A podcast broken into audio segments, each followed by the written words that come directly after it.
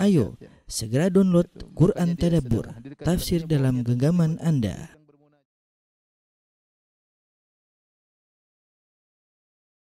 Bismillahirrahmanirrahim. Assalamualaikum warahmatullahi wabarakatuh. Alhamdulillahi ala ihsani wa syukru lahu ala taufiqihi wa amtinani wa syahadu an la ilaha illallah wahdahu la syarika lahu ta'ziman li sya'ni wa asyhadu anna muhammadan abduhu wa rasuluhu da'ila ridwani Allahumma salli alaihi wa ala alihi wa ashabi wa ikhwani. Para ikhwan dan akhwat, para pemirsa yang dirahmati oleh Allah Subhanahu wa taala. Eh, kita melanjutkan bahasan kita dari Syarah Al-Aqidah Al-Wasithiyah karya Syekhul Islam Ibn Taimiyah rahimahullahu taala dan ini adalah bahasan kita terakhir tentang sifat-sifat Allah Subhanahu wa taala. Insyaallah pada pekan depan kita akan masuk pada pembahasan baru yaitu tentang iman bil yaumil akhir ya.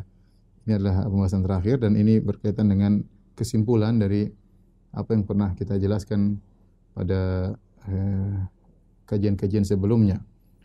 Di penghujung bahasan sifat Ibn Taimiyah rahimahullah taala berkata, "Waqad dakhala fi ma dzakarnahu min al-iman billah al-imanu bima akhbara Allah bihi fi kitabih wa tawatara an rasulih sallallahu alaihi wasallam wa ajma' alaihi salaful ummah min annahu subhanahu fawqa samawatihi ala arsyihi ya ala aliyun ala khalqihi aliyun ala khalqihi. Wa huwa subhanahu ma'ahum aina makanu ya'lamu ma hum amilun. Kemudian kata Ibnu Taimiyah rahimahullah taala dan masuk ke dalam apa yang kita sebutkan tentang iman billah ya di antara bentuk kita rukun iman ada enam ya di antara yang pertama adalah iman billah. Dan di antara masuk dalam iman billah di antara perincian iman kepada Allah adalah beriman dengan apa yang Allah kabarkan dalam Al-Qur'an dan telah mutawatir dari Rasulullah sallallahu alaihi wasallam dan telah disepakati oleh para salaf bahwasanya Allah Subhanahu wa taala berada di atas langit, di atas arsy-Nya dan maha tinggi di atas makhluknya. Dan dia dalam kondisi Allah Subhanahu wa taala dalam kondisi di atas arsy, di atas seluruh makhluknya. Ya, wa huwa subhanahu ma'ahum aina makan dan dia pun sekaligus bersama dengan uh, makhluknya dimanapun mereka berada. Ya lamu mahum amilun yaitu Allah mengetahui apa yang mereka kerjakan. Ini isyarat sebagaimana pernah kita bahas bahwasanya dalil tentang Allah berada di atas langit ya banyak dari Al-Qur'anul Karim, kemudian dari hadis-hadis yang mutawatir Rasulullah sallallahu alaihi wasallam dan juga ijma' dan juga ijma' ya. Allah Subhanahu wa taala atas arsy dan dia di atas ketinggiannya Allah bersama dengan makhluknya. Bersama dengan makhluknya itu dari sisi ya'lam mahum amilun yaitu Allah mengetahui apa yang mereka uh, kerjakan, apa yang mereka kerjakan ya. Jadi ini adalah perkara yang uh, sudah jelas ya. Uh, yaitu Allah di atas uh, langit secara zat dan Allah bersama makhluknya dengan dengan ilmunya, dengan ilmunya ya. Sering masyarakat mengatakan Allah bersama kita ya. E, maksudnya apa? E, ilmunya ya. Terkadang mereka mentakbir dengan ungkapan yang salah tapi maknanya mungkin benar mereka berkata Allah di mana-mana ya. Kalau maksudnya Allah zatnya di mana tentu tidak benar tapi orang awam mengucapkan demikian Allah di mana-mana. Maksudnya ilmu Allah di mana-mana Allah Maha tahu atas semua apa yang mereka kerjakan. Dalilnya apa di antaranya kama jama'a baina dzalika fi qoulihi sebagaimana Allah telah mengumpulkan dua perkara ini yaitu menggabungkan antara keberadaan Allah di atas dengan pengetahuan Allah meliputi segala makhluk di bawahnya firman Allah Subhanahu wa taala huwallazi khalaqas samawati wal arda fi sittati ayyamin thumma stawa 'alal arsh. Di antaranya firman Allah, dialah Allah yang telah menciptakan langit dan bumi dalam waktu enam hari. Thumma stawa 'alal arsh, kemudian Allah beristiwa di atas arsh, yaitu secara zat Allah di atas arsh. Kemudian Allah sebutkan, ya'lamu ma yaliju fil ardi wa ma yakhruju minha. Namun Allah mengetahui apa yang masuk dalam bumi dan apa yang keluar dari bumi, tumbuhan dan yang lainnya. Wa ma yanzilu minas sama dan Allah tahu apa yang turun dari langit, wa ma ya'ruju fiha dan apa yang naik ke langit, malaikat dan yang lainnya amal saleh, perkataan saleh wa huwa ma'akum aina ma kuntum dan Allah bersama kalian di mana pun kalian berada wallahu bima ta'maluna basir dan Allah Maha melihat apa yang kalian lakukan. Ya ini dalil bahwasanya Allah secara uh, zat di atas arsy tetapi secara ilmu bersama makhluknya. Ya wa huwa ma'akum aina ma kuntum Allah bersama kalian di mana kalian berada yaitu apa? Wallahu bima ta'maluna basir Allah melihat apa yang kalian lakukan. Ya tadi Allah mengetahui apa yang naik, apa yang turun, apa yang masuk ke bumi, apa yang keluar dari bumi, apa yang turun dari langit, apa yang naik ke langit. Dan Allah bersama kalian, maksudnya adalah dengan uh, ilmunya. Ya. Ini sudah kita pernah kita jelaskan namanya tentang al-ma'iyah ya al-ma'iyah al-mutlaq ya atau al-ma'iyah al-ammah. Kemudian Ibn Taimiyah menjelaskan, "Walaysa makna qawlihi wa huwa ma'akum" bukan makna dari firman Allah wa huwa ma'akum dan Allah bersama kalian annahu mukhtalitun bil khalq yaitu Allah bercampur secara zat dengan makhluk. Ya, ini tidak tidak tidak melazimkan demikian ya. Sebagaimana pernyataan sebagian orang maksudnya Allah di mana-mana secara zat ini pendapat Jahmiyah yang pernah dibantah oleh Ibn, uh, oleh Imam Ahmad dalam kitabnya Ar-Rad al-Jahmiyah wa Zanadiqah. Ya Imam Ahmad berdialog dengan mereka di mana mereka mengatakan Allah di mana-mana secara zat, ya. Karena berdalil dengan seperti ayat ini, bahwa ma'akum. Maka uh, Imam Ahmad menjelaskan bahwasanya ma'akum di sini adalah adalah ilmunya bukan zatnya. Oleh karenanya bukan makna wa huwa ma'akum dia bersama kalian annahu mukhtalitun bil khalq bahwasanya Allah bercampur baur dengan bercampur baur dengan makhluk tidak. Ya. Fa inna hadza la tujibuhu lughah karena ini tidak bahas secara bahasa tidak melazimkan demikian. Kebersamaan tidak melazimkan harus bercampur berdampingan mengumpul tidak harus demikian. Ya, sebagaimana pernah kita kita jelaskan. Nanti akan disinggung oleh Ibnu Taimiyah juga wa huwa khilafu ma ajma alaihi salaful ummah dan ini menyelisihi apa yang telah disepakati oleh para salaf. Wa khilafu ma fatarallahu alaihi al-khalq dan ini juga menyelisihi fitrah. Enggak mungkin kita bilang Tuhan eh, berdampingan bersama kita di mana-mana ya di samping kita ya. Tuhan di mana-mana berarti Tuhan di di toilet, kemudian dalam perut, di mana ya enggak mungkin ya. Ya, dan itu menyelisih fitrah secara akal sehat tidak tidak bisa kita terima. Ya, jadi ini ini pendapatnya. Yang batil pendapat Jahmiyah bertentangan dengan uh, bahasa bahasa tidak harus mengharuskan demikian. Bertentangan dengan ijma dan bertentangan dengan uh, fitrah. Kemudian beliau berdalil dengan secara uh, sesuatu yang bisa kita lihat kata Ibn Taimiyah balil qamaru ayatun min ayatillah. Lihatlah rembulan bahkan rembulan salah satu dari tanda-tanda kebesaran Allah. Min asghari makhluqatihi termasuk dari makhluk yang kecil makhluk Allah Subhanahu wa taala wa huwa mawdu'un fis sama dan dia berada di langit itu tinggi wa huwa ma'al musafir wa ghairil musafir aina makana dan rembulan senantiasa bersama orang yang bersafar dan orang yang tidak bersafar dimanapun dia berada. Ya, jadi maksudnya Ibn Taimiyah ingin menjelaskan makhluk saja uh, dalam ketinggiannya dan tidak bercampur bisa dikatakan bersama. Kita rembulan bersama kita. Bukan berarti rembulan nempel sama kita, kita gandeng rembulan tidak. Rembulan bersama kita dan dia tetap di atas dan dia cahayanya bersama kita dan dia berjalan bersama kita ya. Bersama kita. Ke mana musafir jalan rembulan mengikutinya ya. Ya, itu menunjukkan bahwasanya e, kebersamaan tidak harus melazimkan penempelan atau bercampur baur dan bisa jadi e, suatu bersama kita dan dia dalam kondisi jauh dan tinggi. Kalau rembulan saja bisa bagaimana dengan Allah Subhanahu wa taala. Uh, kemudian Ibnu Taimiyah juga berkata, "Wa huwa subhanahu fawqa arsyihi, raqi raqibun ala khalqihi, muhaiminun alaihim, muttali'un alaihim." Ya. Uh, Allah Subhanahu wa taala di atas arsy-Nya dan dia mengawasi raqibun ala khalqihi, mengawasi makhluknya, muhaiminun alaihim menghukum yaitu menjalankan aturan hukumnya kepada mengatur makhluknya muttali'un alaihim dan Allah Maha mengetahui apa yang mereka kerjakan ya. Eh, ini juga ya menekankan yang sebelumnya Allah di atas tetapi Allah mengawasi seluruh apa yang dilakukan. Bahkan Allah mengatur seluruh yang di bawahnya. Seluruh makhluk diatur oleh Allah. Tidak ada yang keluar dari aturan Allah Subhanahu wa taala. Dan Allah melihat apa yang mereka kerjakan ya. Jadi kebersamaan Allah tidak bertentangan dengan ketinggian Allah, tetapi harus kita kompromikan maksudnya ketinggian secara zat, kebersamaan secara ilmu, secara ittila, secara melihat, secara mengawasi ya, secara hukum Allah bersama makhluknya menghukum makhluknya. Kemudian kata Ibn Taimiyah rahimahullahu taala wa kullu hadzal kalam ya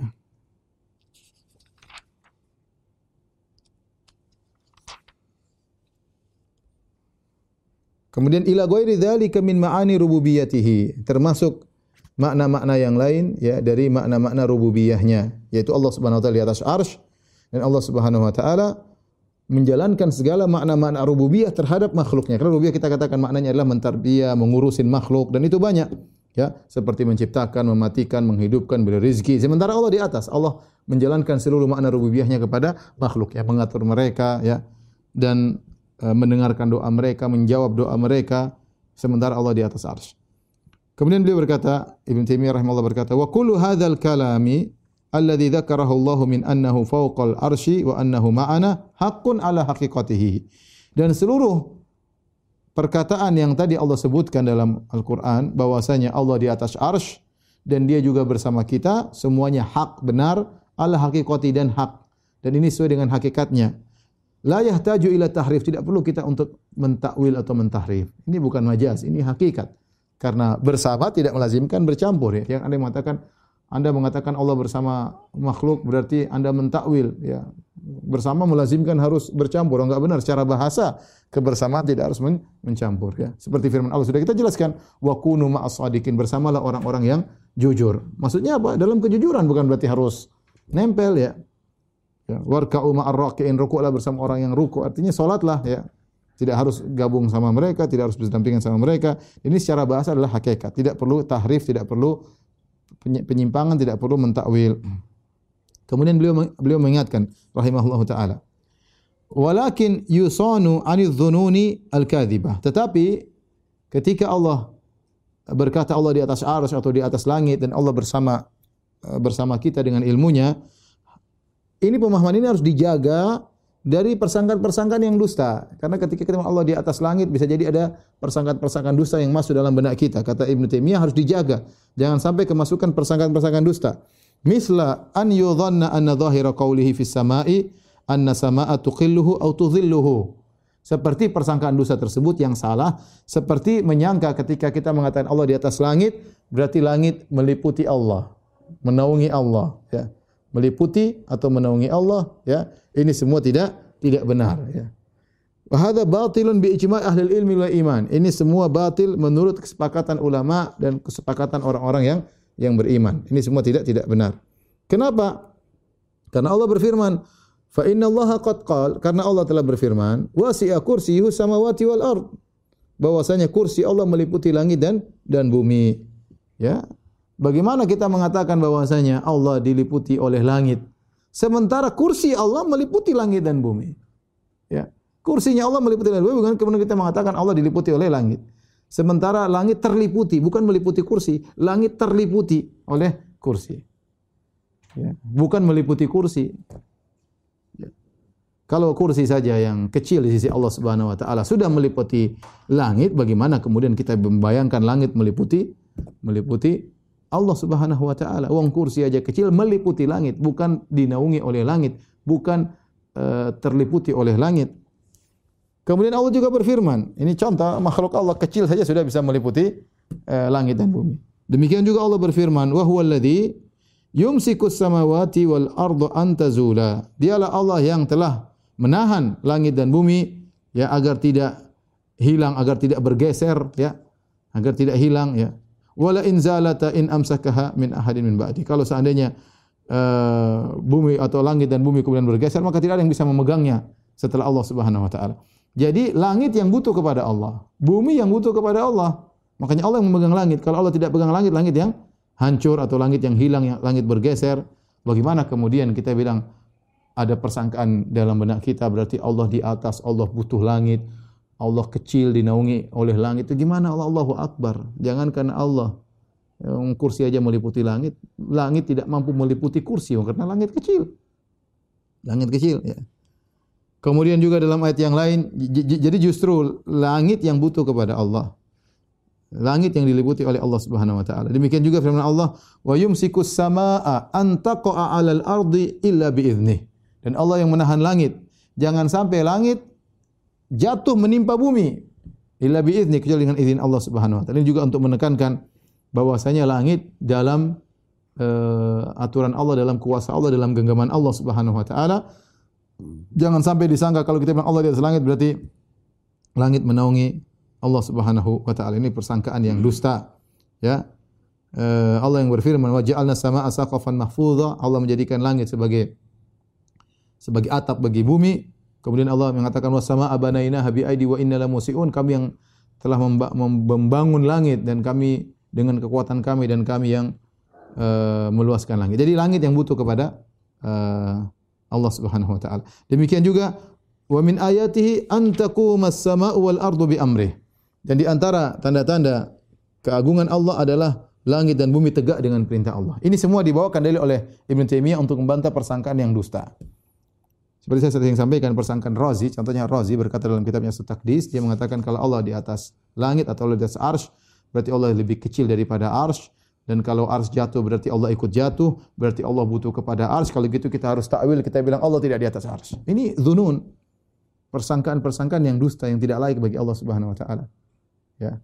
Ini yang masuk kepada pemikiran ahlu takwil, yang tukang takwil semua masukkan pemikiran seperti ini. Ya, sehingga mereka menolak Allah di atas. Logika mereka salah. Padahal Allah sudah jelaskan bahwasanya langit justru langit butuh kepada Allah. Gimana kemudian Allah butuh kepada langit kalau Allah langit jatuh Allah ikut jatuh berarti Allah lebih kecil daripada langit. Ini semua adalah uh, kedustaan. Sering saya sampaikan logika sederhana bandingkan antara langit dan bumi bahwasanya bumi di bawah langit di atas. Tetapi langit lebih luas daripada bumi, langit lebih lebar daripada bumi, langit meliputi bumi dan langit tidak butuh dengan bumi bi ghairi amadin tarawunaha tidak ada tiang penyangga langit-langit tersebut. Ya, ini menunjukkan bahwasanya langit yang di atas ternyata lebih besar, langit yang di atas ternyata tidak membutuhkan bumi yang di bawah dan langit di atas ternyata meliputi bumi. Ya, sama kita katakan kalau antara makhluk dengan makhluk saja bisa demikian apalagi antara Khalik Allah Subhanahu wa taala Allah di atas langit bukan Allah butuh kepada langit. Justru Allah yang mengatur langit, justru langit yang butuh kepada Allah Subhanahu wa taala. Eh, uh. Eh, kita lanjutkan. Kemudian fi qurbillahi ta'ala wa ijabati. Kemudian berikutnya Ibn Taimiyah berkata ini pembahasan berikutnya tentang sifat Allah dekat tidak menafikan maha tingginya Allah. Sifat Allah dekat tidak melazimkan maha tingginya Allah. Dekatnya Allah dengan hamba yaitu Allah dekat dekat di hati para hamba, Allah mendengar permintaan mereka, Allah mengijabahi permintaan mereka, Allah mendengar doa mereka. Ya, tidak berarti melazimkan bertentangan dengan Allah yang Maha Tinggi ya secara zat di atas arsy. Kemudian Ibnu Taimiyah berkata, "Wa qad dakhala fi dzalik al-imanu bi annahu qaribun min khalqi mujibun." Dan termasuk di antara iman billah, ya. Ini Ibnu Taimiyah menjelaskan iman billah, al-iman billah beriman kepada Allah bahasanya luas. Termasuk di antaranya meyakini Allah di atas arsy itu juga beriman kepada Allah. Termasuk meyakini ilmu Allah meliputi segala makhluk itu juga beriman kepada Allah. Di antara beriman kepada Allah adalah beriman bi annahu qaribun min khalqihi mujib. Yaitu Allah Subhanahu wa taala maha dekat dengan makhluknya mujib yaitu menjawab permohonan hambanya. Dalilnya apa? Firman Allah Subhanahu wa taala wa idza sa'alaka ibadi anni fa inni qarib ujibu da'watad da'i idza da'an. Dalam surat Al-Baqarah 186 kata Allah Subhanahu wa taala jika hamba-hambaku bertanya kepada engkau wahai Muhammad tentang diriku fa inni qarib sungguhnya aku dekat. Ujibu da'watad da'i da'an. Dan aku mengabulkan doa orang yang berdoa jika dia berdoa kepadaku ya ini dijadikan dalil oleh para ulama bahwasanya uh, kalau minta kepada Allah langsung Allah sangat dekat. Ya sangat dekat mudah mengabulkan permintaan hamba-hambanya. Makanya Allah tidak mengatakan fakul inni qarib. Jika wa idza saya ulangi ayatnya wa idza sa'alaka ibadi anni. Jika hamba-hambaku bertanya kepada engkau tentangku, maka aku ini dekat. Allah tidak mengatakan maka katakanlah wahai Muhammad aku ini dekat, tapi Allah langsung jawab sendiri. Fa inni qarib Allah menghilangkan kata fakul katakanlah tidak ada. Katakanlah ini tidak ada dalam ayat ini. Ya. ya.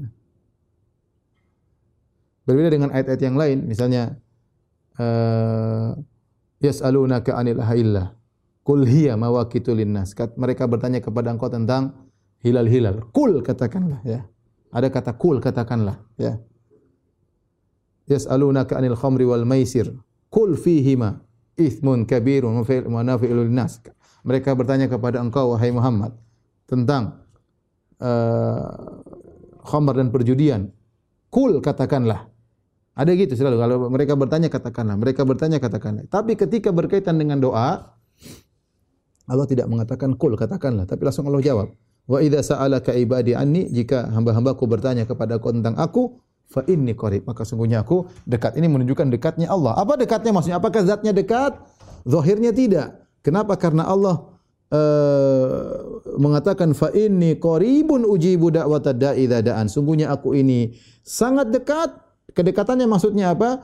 Ujibu da'watad da'i da'an yaitu aku mengabulkan doa orang yang berdoa kepadaku. Ya, saking dekatnya Allah sehingga doanya mudah di dikabulkan ya. Jadi kedekatan ini berkaitan dengan uh, kurbatul ijabah yaitu mudah untuk uh, apa namanya menjawab doa para para hamba ya mudah menjawab doa para para hamba ini seperti seperti uh, uh, sabda Nabi sallallahu alaihi wasallam aqrabu ma yakunul abdu min rabbih wa huwa sajid. Yaitu kondisi orang paling dekat dengan Rabbnya ketika sedang sujud. Orang sedang sujud uh, berarti sangat dekat kepada Allah Subhanahu wa taala. Hatinya sangat dekat kepada Allah Subhanahu wa taala. Bukan bukan kedekatan jarak tidak. Tapi hati dia sangat dekat dengan Allah. Allah mudah mengabulkan doanya. Makanya kata Nabi sallallahu alaihi wasallam fa'ajtahidu fid du'a. Ya.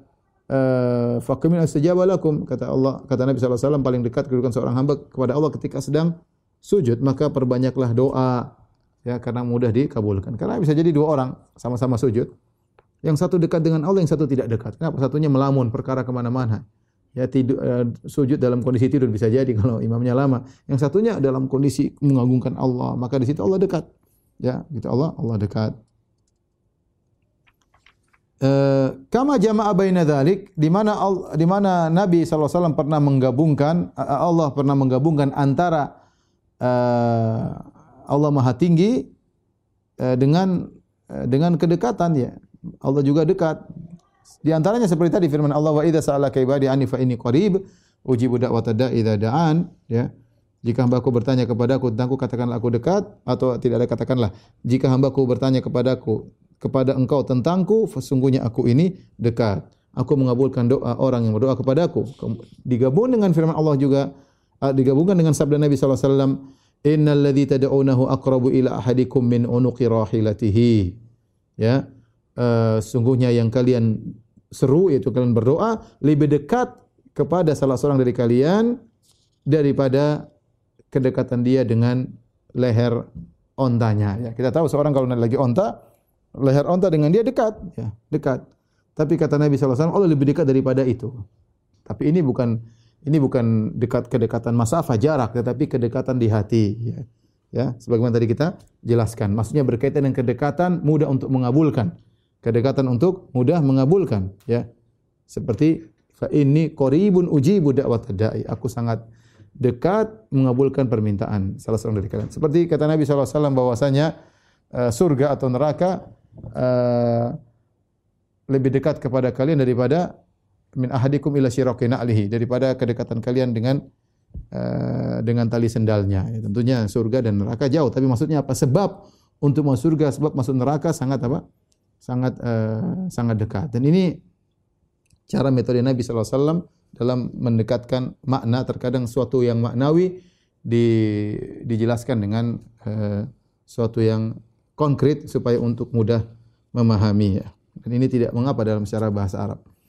Baik, kita lanjutkan bahasan berikutnya masih tentang sifat-sifat Allah berkaitan dengan Al-Qur'an kalamullah. Al-Qur'an kalamullah. Ini Ibnu Taimiyah ingin menjelaskan apa yang kita bahas ini semua penting karena dia termasuk rukun iman yang pertama, imanu billah. Ya, termasuk iman billah ber berbicara tentang Allah Maha Tinggi.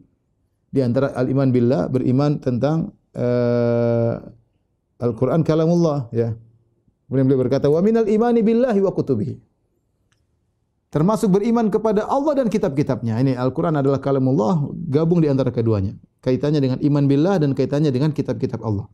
Wa minal imani billahi wa kutubi di antara iman kepada Allah dan kitab-kitabnya al-imanu bi annal Qur'ana kalamullah. Itu beriman bahwasanya Al-Qur'an adalah firman Allah. Munazzalun diturunkan oleh Allah Subhanahu wa taala dari Allah, ghairu makhluqin, bukan makhluk, minhu bada'a dari Allah lah Allah yang berbicara dengan Al-Quran wa ilahi ya'ud dan akan kembali kepada Allah Subhanahu wa taala. Ini uh, ringkasan Ibn Taimiyah rahimahullah taala untuk menjelaskan akidah Ahlussunnah dan untuk membantah pemikiran-pemikiran yang menyimpang dan ini sudah pernah kita bahas pada pertemuan-pertemuan yang lalu ya, di secara detail tentang Al-Qur'an kalamullah. Tapi kita singgung sedikit di sini. Di sini uh, Ibn Taimiyah rahimahullah taala berkata minal imani billahi uh, wa kutubihi ya di antara beriman kepada Allah dan uh, rasulnya Di antara beriman kepada uh, di antara beriman kepada Allah dan kitab-kitabnya beriman Al-Qur'an kalamullah. Al-Qur'an kalamullah. Secara hakikat turun dari Allah bukan makhluk. Allah yang dari Allah yang berbicara dan kembali akan kembali kepada Allah Subhanahu wa taala. Kemudian beliau berkata lagi, "Wa inna Allah takallama bi haqiqatan." Ya. Di antara dalil bahwasanya Al-Qur'an turun dari Allah, banyak ayatnya. Allah berfirman di antaranya, Wa innahu latanzilu rabbil alamin. Sungguhnya Al-Quran itu turun dari Rabbul Alamin. Nazala bihi ruhul amin. Yang malaikat Jibril yang bawa turun. Tapi turun dari Allah subhanahu wa ta'ala. Demikian dalam ayat yang lain. Kul nazzalahu ruhul kudus min rabbik. Al-Quran itu diturunkan oleh ruhul kudus malaikat Jibril dari Allah subhanahu wa ta'ala. Tanzilul kitabi min Allahil azizil hakim. Al-Quran itu turun dari Allah yang maha perkasa lagi maha bijak.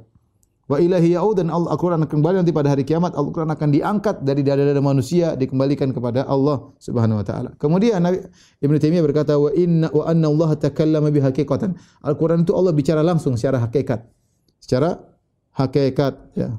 Bukan majaz sebagaimana perkataan ahlul bidah baik dari kalangan Jahmiyah maupun dari kalangan Mu'tazilah ya maupun dari kalangan uh, Kullabiyah maupun dari kalangan Asy'ariyah dan Maturidiyah ya. Beliau berkata, "Wa anna hadzal Qur'an alladhi unzila ala Muhammad huwa kalamullah haqiqatan." Sungguhnya Al-Qur'an yang diturunkan kepada Muhammad adalah firman Allah secara hakikat. La kalama ghairihi bukan perkataan yang lain, ya. Bukan perkataan yang lain. Seperti ada yang mengatakan Al-Quran adalah ibarat atau hakikat. Makanya Ibn Taimiyah kemudian mengatakan, La ya juzu itlaqul qawli bi annahu hikayatun an kalamillahi au ibarah. Tidak boleh seorang mengatakan Al-Quran itu hanyalah hikayat atau ibarat. Apa bedanya hikayat dan ibarat? Hikayat maksudnya menghikayatkan tapi bukan bukan aslinya ya, menghikayatkan atau ibarat. Ibarat tapi bukan aslinya. Ini sudah kita sampaikan. Ini pendapat Kullabiyah dan juga pendapat Asy'ariyah dan Maturidiyah. Asy'ariyah uh, karena mereka mengatakan Allah berbicara tanpa huruf, Allah berbicara tanpa lafal, Allah berbicara tanpa suara.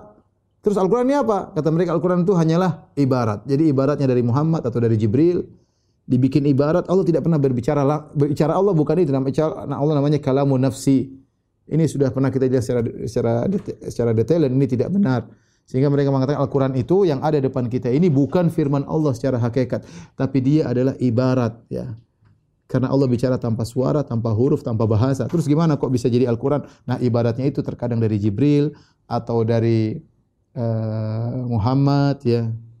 Dan ini semua adalah kedustaan. Hikayat hikayat juga sama. Hikayat menghikayatkan dari Allah tapi bukan uh, bukan dari Allah Subhanahu wa taala. Hanya ada khilaf di kalangan mereka. Ada yang tidak boleh bilang hikayat tidak boleh hanya hanya boleh bilang ibarat. Ini sudah pernah kita bahas. Ini semua tidak boleh. Dan ini membantah pendapat kullabiyah asy'ariyah dan maturidiyah yang ketiga kelompok ini sepakat Allah tidak berbicara dengan huruf dan makna dan bahasa tanpa suara tanpa suara tanpa huruf tanpa makna tanpa bahasa Terus kalamun nafsi, kalam Allah itu suatu zat yang qadim yang tidak pernah berubah. Nah, bagaimana agar kita paham? Maka Muhammad atau Jibril dibuat paham oleh Allah kemudian diibaratkan. Jadi Al-Quran depan kita ini bukan firman Allah, bukan. Tapi ibarat dari firman Allah. Ini adalah falsafah yang tidak benar. Dan ini mengatakan seakan-akan Allah tidak berbicara. Ini kebatilan. Kemudian Taimiyah berkata, "Bal idza qara'ahu nas jika dibaca oleh manusia atau katabuhu fil masahib atau ditulis Al-Qur'an tersebut di mushaf, lam yakhruj bidzalika an an ayyakuna kalam Allah taala haqiqatan."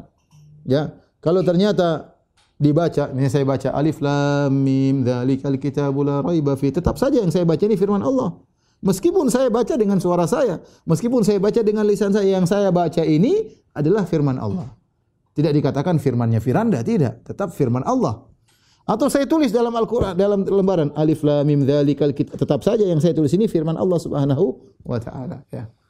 Sama misalnya saya mengatakan uh, uh, misalnya saya mengatakan perkataan Imam Syafi'i ya, misalnya saya mengatakan Mihanuz zamani kathiratun la tanqadi wa sururuhu ya'tika kal a'yadi. Sungguhnya ujian-ujian kehidupan itu datang terus menerus silih berganti dan kesenangan datang dalam kehidupan ini hanya sesekali. Ini perkataan Imam Syafi'i meskipun saya ngomong tapi orang tahu itu perkataan Imam Syafi'i rahimahullahu taala. Ya. Orang tahu itu perkataan Imam Syafi'i rahimahullahu taala ya. Seperti itu. Misalnya dulu ada uh, apa ada puisi yang terkenal apa? Aku jika tiba waktuku ya, aku mau tak seorang pun yang bertanya atau yang bagaimana saya lupa lah. Apa Khairil Anwar atau siapa saya lupa ya. Ya Khairil Anwar zaman-zaman dulu. Meskipun Firanda yang ngomong orang tahu itu perkataannya Khairil Anwar.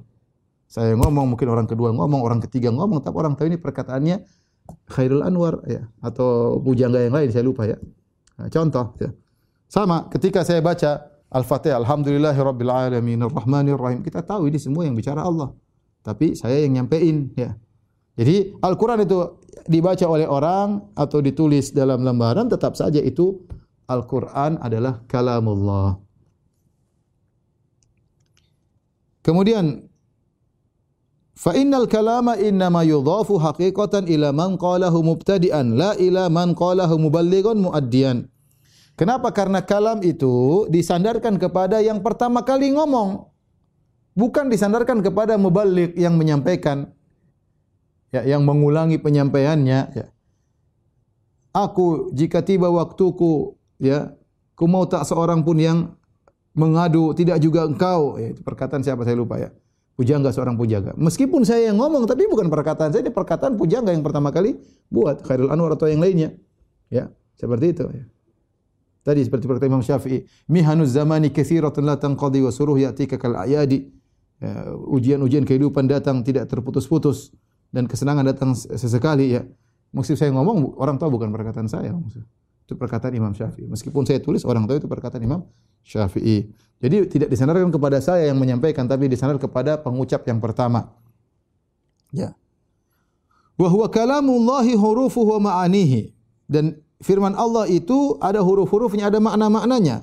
Walaysa kalamullahi al-hurufu dunal ma'ani. Bukanlah firman Allah itu sekedar huruf tanpa makna. Salah. Ya. Walal ma'ani dunal huruf. Bukan juga hanya sekedar makna tanpa huruf. Ya. Allah firmannya disertai dengan huruf dan makna. Ya, ini menjelaskan tentang akidah Ahlussunnah wal Jamaah ya bahwasanya eh Eh, bahwasanya firman Allah Subhanahu wa taala itu dengan huruf. Allah bicara dengan suara, didengar oleh Nabi Musa, didengar oleh Nabi Muhammad sallallahu alaihi wasallam ya dengan huruf dengan bahasa yang Allah kehendaki dan itulah kesempurnaan firman Allah. Allah berbicara dengan bahasa yang Allah kehendaki, dengan topik yang Allah kehendaki, eh, kepada siapa Allah kehendaki, kapan Allah kehendaki, terserah Allah karena Dia adalah Maha berbicara. Itulah Allah Subhanahu wa taala. Jangan terjebak dengan filsafat-filsafat orang-orang yang mengingkari hakikat kalamullah uh, subhanahu wa taala.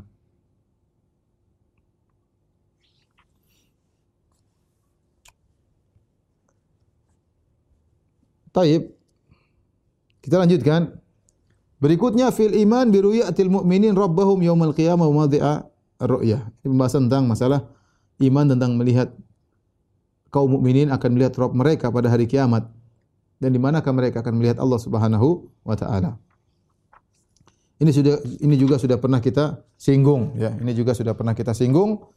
Uh, ini hanya sekedar menekankan apa yang telah pernah kita uh, singgung ya. Saya lupa ada satu pembahasan di mana uh, Al-Imam Ahmad mengingkari orang yang mengatakan lafzi bil Qur'ani makhluk atau ghairu makhluk. Imam Ahmad mengingkari orang yang mengatakan lafalku dengan Al-Qur'an adalah makhluk atau bukan makhluk. Dua-duanya tidak boleh. Ya. Kita mengatakan Al-Qur'an makhluk. Selesai. Jangan kita bilang lafzi bil Qur'ani makhluk. Saya melafalkan Al-Qur'an ini makhluk atau bukan makhluk. Dua-duanya uh, tidak boleh diucapkan. Kenapa? Karena lafal seperti itu, lafzi bil Qur'an makhluk bisa dipahami salah dan lafzi bil Qur'ani ghairu makhluk juga bisa dipahami salah ya. Coba ya saya tulis ya. Ini yang fitnah yang menimpa Imam Bukhari tapi kita tidak ingin bahas panjang lebar. Jadi uh, lafzi bil Qur'an makhluk. Kemudian lafzi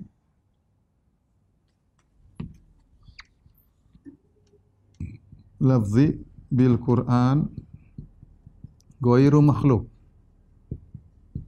Ya, pertama di atas adalah laf lafalku pelafalanku pelafalanku dengan Al-Qur'an adalah makhluk. Kemudian yang kedua, pelafalanku dengan Al-Quran bukan makhluk. Sebenarnya ini tidak muncul kecuali akibat pertanyaan ahlul bidah. Ya, ahlul bidah.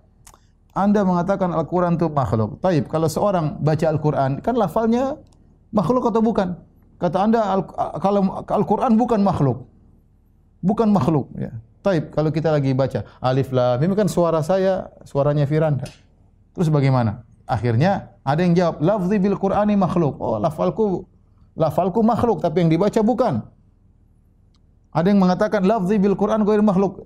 Yang saya lafalkan bukan makhluk ya. Dua-duanya dibenci oleh Imam Ahmad.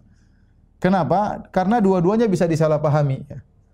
Pelafalanku dengan Al-Qur'an adalah makhluk ya. Benar ya jika yang dimaksud maksud adalah suara sang kore. Salah jika yang dimaksud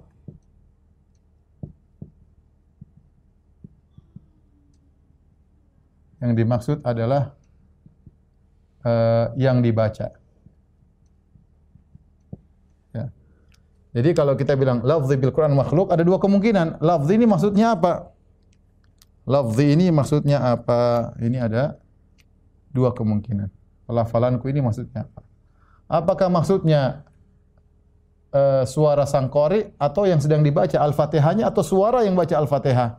Kalau yang dimaksud dengan lafalku adalah suara sang qari, maka benar lafal ini makhluk karena suara makhluk.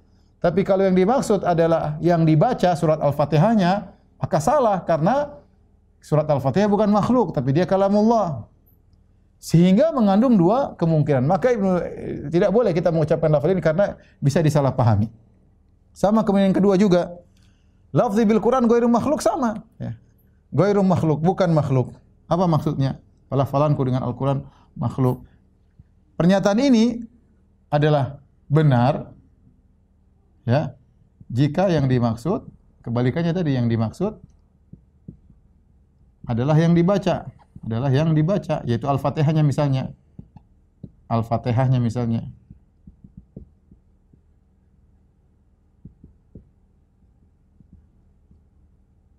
Kemudian salah pernyataan ini jika yang dimaksud bahwasanya uh, bukan makhluk jika yang dimaksud adalah adalah suara pembacanya.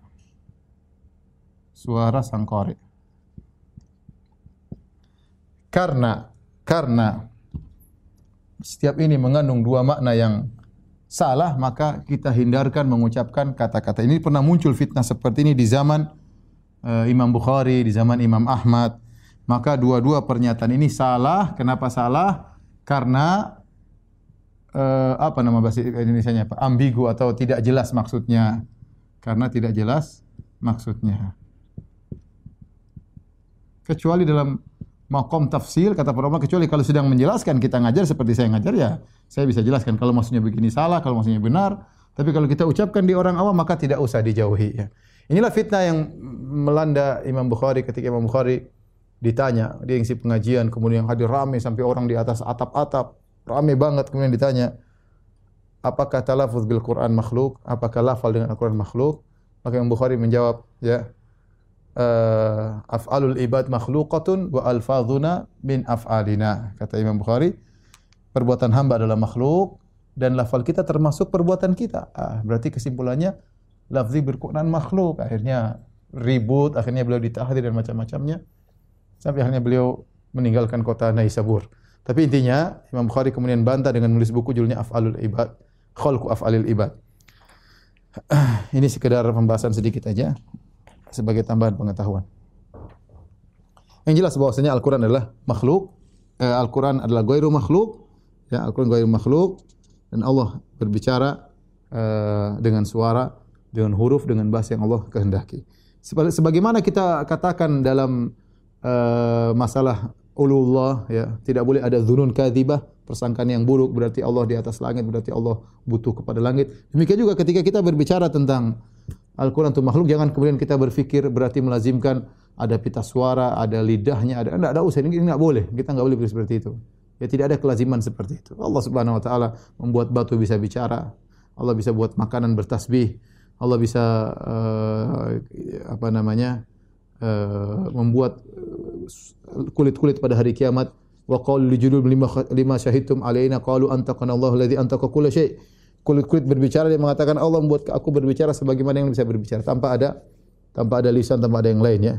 Ya kemudian berarti dan macam-macam. Ini zunun kadzibah ini persangkaan seperti ini dusta ini persangkaan ini dibangun di atas menyamakan Allah dengan makhluk. Kita bilang Allah berbicara dengan suara dengan huruf dengan topik yang Allah kehendaki terserah Allah bagaimana caranya dan kita tidak tahu kaifiah kita enggak enggak tahu. Tapi uh, pembahasan yang terakhir pada kesempatan kali ini tentang uh, melihat Allah. Sebagaimana pernah kita bahas. Kemudian Al-Imam Ibnu Taimiyah rahimahullah berkata faslun fasal wa qad dakhala aidan fi ma dzakarnahu min al-iman bihi wa bi kutubihi wa bi malaikatihi wa bi rusulihi al-imanu bi anna al-mu'minina yarawna yarawnahu yaumal qiyamah. Beliau berkata dan juga masuk pada perkara-perkara yang sudah kita bahas dari iman kepada Allah, iman kepada kitab-kitabnya, iman kepada malaikat-malaikatnya, iman kepada rasul-rasulnya adalah beriman bahwasanya kaum mukminin akan melihat Allah pada hari kiamat. Jadi Ibnu Taimiyah menjelaskan ya bahwasanya uh, iman kepada melihat Allah pada hari kiamat ya Ibnu Taimiyah ingin menjelaskan beriman bahawa kaum mukminin melihat Allah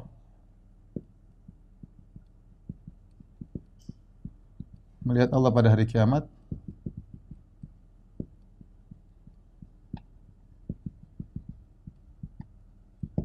berkaitan dengan berkaitan dengan dengan iman kepada Allah berkaitan juga iman kepada uh, kitabnya.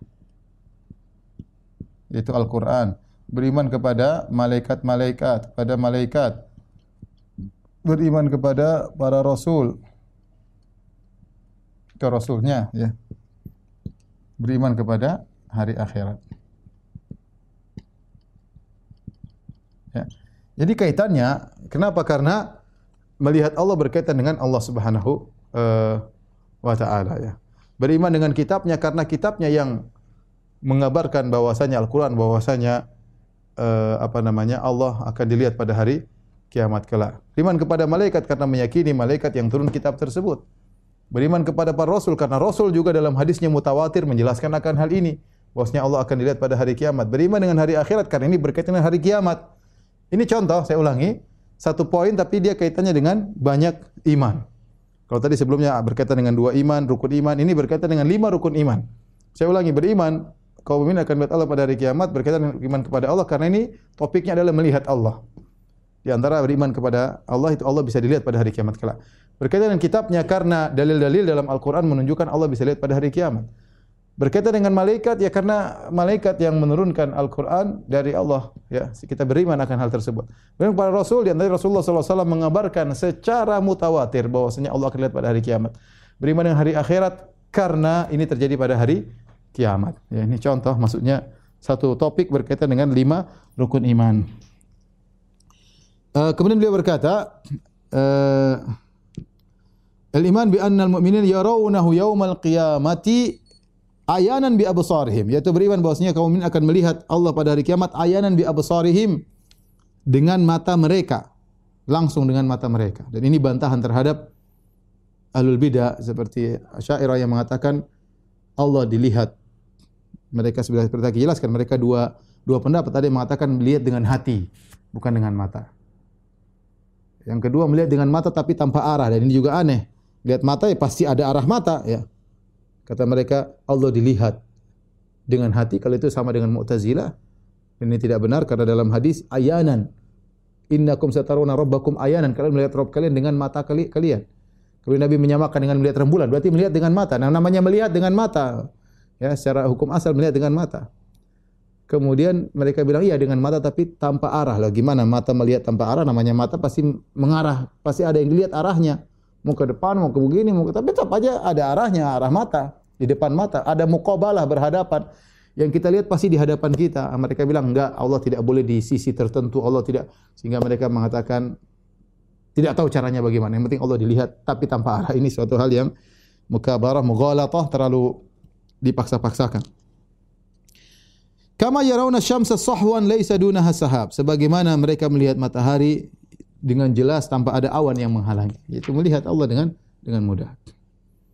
Kemudian wa kama yarawna al-qamar lailatal badar dalam riwayat sebagaimana mereka melihat rembulan la yudamuna fi ru'yatihi tanpa ada desak-desakan tatkala melihat Allah. Jadi yang di, yang disamakanlah cara melihat.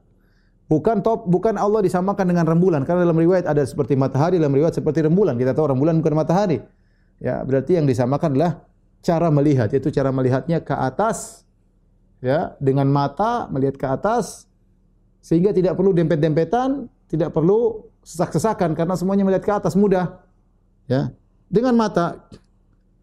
Di mana mereka melihat? Maka Ibnu Taimiyah berkata, "Yarawnahu subhanahu wa hum fi arasatil qiyamah." Yaitu mereka melihat Allah Subhanahu wa taala fi arasatil qiyamah itu di padang mahsyar. Ya.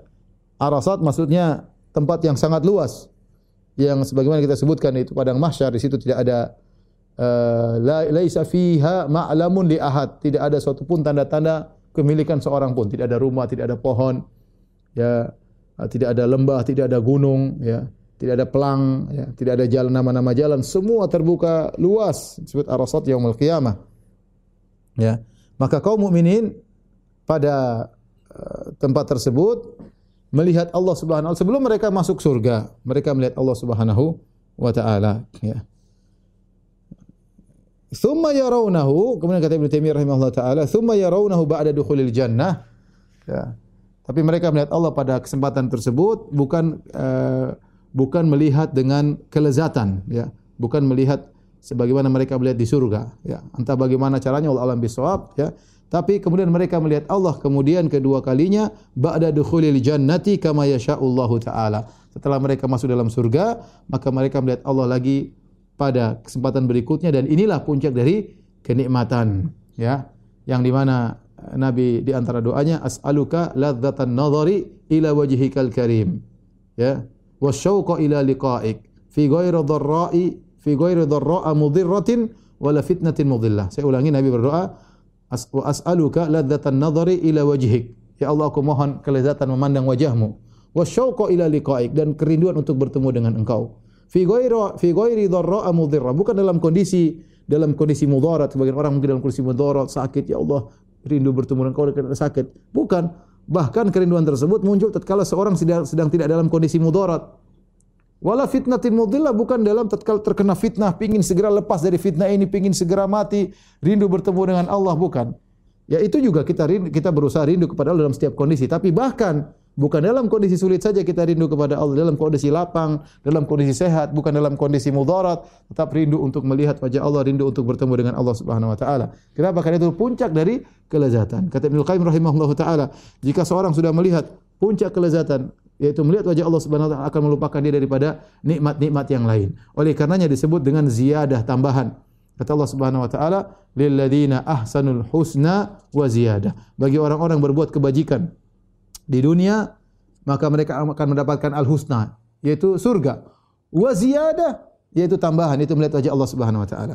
Dan Ibnu Rajab Al-Hambali ketika mensyarah uh, hadis Jibril tentang ihsan, anta budallaha ka'annaka tarahu fa illam yakun fa illam takun taru fa innahu yarak ihsan itu engkau beribadah seakan-akan engkau melihat Allah yaitu seorang di dunia melatih diri dalam kondisi apapun seakan-akan dia melihat Allah atau dia yakin Allah melihatnya balasannya adalah dia akan melihat Allah pada hari kiamat kelak ya, di dunia dia melatih seakan-akan dia melihat Allah melihat keagungan Allah balasannya nanti di akhirat dia akan melihat Allah dengan secara sungguh-sungguh. Allah taala bisawab. Baik demikian saja kajian kita.